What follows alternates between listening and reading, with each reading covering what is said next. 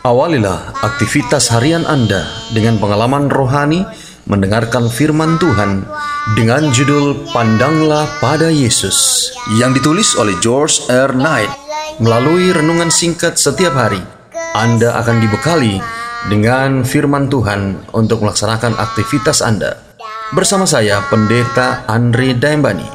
Semoga Tuhan memberkati kita sekalian sepanjang hari ini.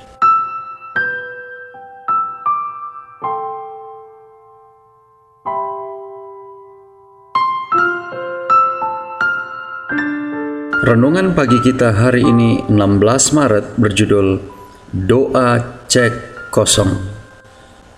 Ayat intinya diambil dari Matius 7 ayat 7 dan 8. Demikian firman Tuhan.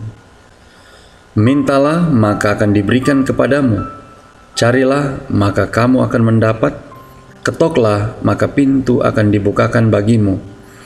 Karena setiap orang yang meminta menerima, dan setiap orang yang mencari mendapat, dan setiap orang yang mengetok baginya pintu dibukakan. Mari kita dengarkan penjelasannya. Apakah benar-benar demikian? Apakah doa itu selembar cek kosong di atas mana kita menuliskan permintaan kita? Apakah Allah selalu memberi segala sesuatu yang umat percaya minta? Berhati-hatilah kita akan mendapat banyak masalah dalam memeriksa teks bila membuat pernyataan-pernyataan di luar konteks, lalu menyamaratakan semua itu secara tidak bertanggung jawab agar sesuai dengan kehendak pribadi kita. Marilah kita juga harus jujur. Apakah Allah telah memberi segala sesuatu yang pernah Anda minta? Mengapa tidak? Apakah itu mempengaruhi iman Anda? Tentu saja Pernyataan Yesus mengenai doa merupakan janji mutlak tentang yang Allah akan lakukan bagi kita. Tetapi pernyataan itu mengandung konteks sangat pasti tentang penghakiman. Satu tema yang bergulir di seluruh Matius pasal 7. Enam ayat pertama di dalam pasal itu membahas tentang menilai orang lain dan memikir mereka lebih keras daripada kita memikirkan diri kita sendiri. Sehingga Yesus memberitahukan bahwa kita juga akan mendapat penilaian tidak adil sepenuhnya. Memahami kelemahan kita, kita berseru, siapakah yang akan memenuhinya? Bagaimanakah bisa saya hidup mengikuti tolok ukur Allah? Jawaban Kristus adalah, Dia akan memberi kita apa yang kita perlukan jika kita meminta, mencari, dan mengetuk. Kebenaran dalam Matius 7 ayat 1 sampai 6 adalah juga kebenaran dalam khotbah di atas bukit. Kita tidak akan berpengharapan apabila kita melihat hanya pada tuntutan-tuntutan hidup beragama yang benar. Di dalam konteks persyaratan-persyaratan itulah Yesus menawarkan kepada kita kasih karunia-Nya untuk mengampuni kita dan meminta kita menjalani kehidupan Kristen.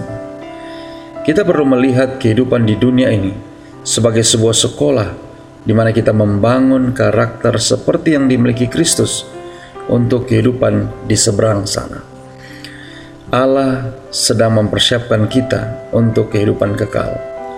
Dengan demikian, Dia bersedia memberikan kita segala sesuatu yang kita butuhkan agar kita mencapai perkembangan Kristen yang serba sempurna. Dalam konteks demikian, pekabaran Tuhan kita adalah mintalah maka akan diberikan kepadamu. Carilah maka kamu akan mendapat. Ketoklah maka pintu akan dibukakan bagimu. Saudara-saudara yang kekasih dalam Tuhan, kita memang mempunyai cek kosong dalam Matius 7 ayat 7 dan 8 sehubungan dengan kasih karunia Allah. Membaca khotbah di atas bukit mengingat kehidupan kita yang morat-marit lalu membantu kita melihat betapa kita sangat berantakan, seakan-akan tidak dapat diperbaiki.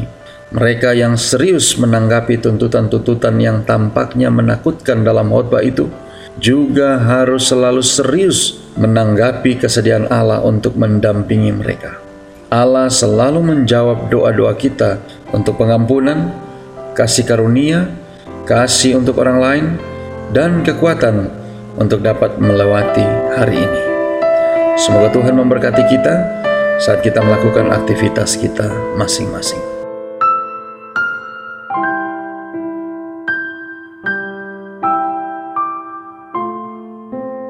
Demikianlah tadi pembahasan firman Tuhan melalui renungan pagi, pandanglah pada Yesus. Semoga pembahasan firman Tuhan tadi dapat menjadi berkat bagi Anda sepanjang aktivitas Anda hari ini. Saya Pendeta Andri Daimbani, sampai berjumpa dalam episode selanjutnya. Tuhan memberkati kita.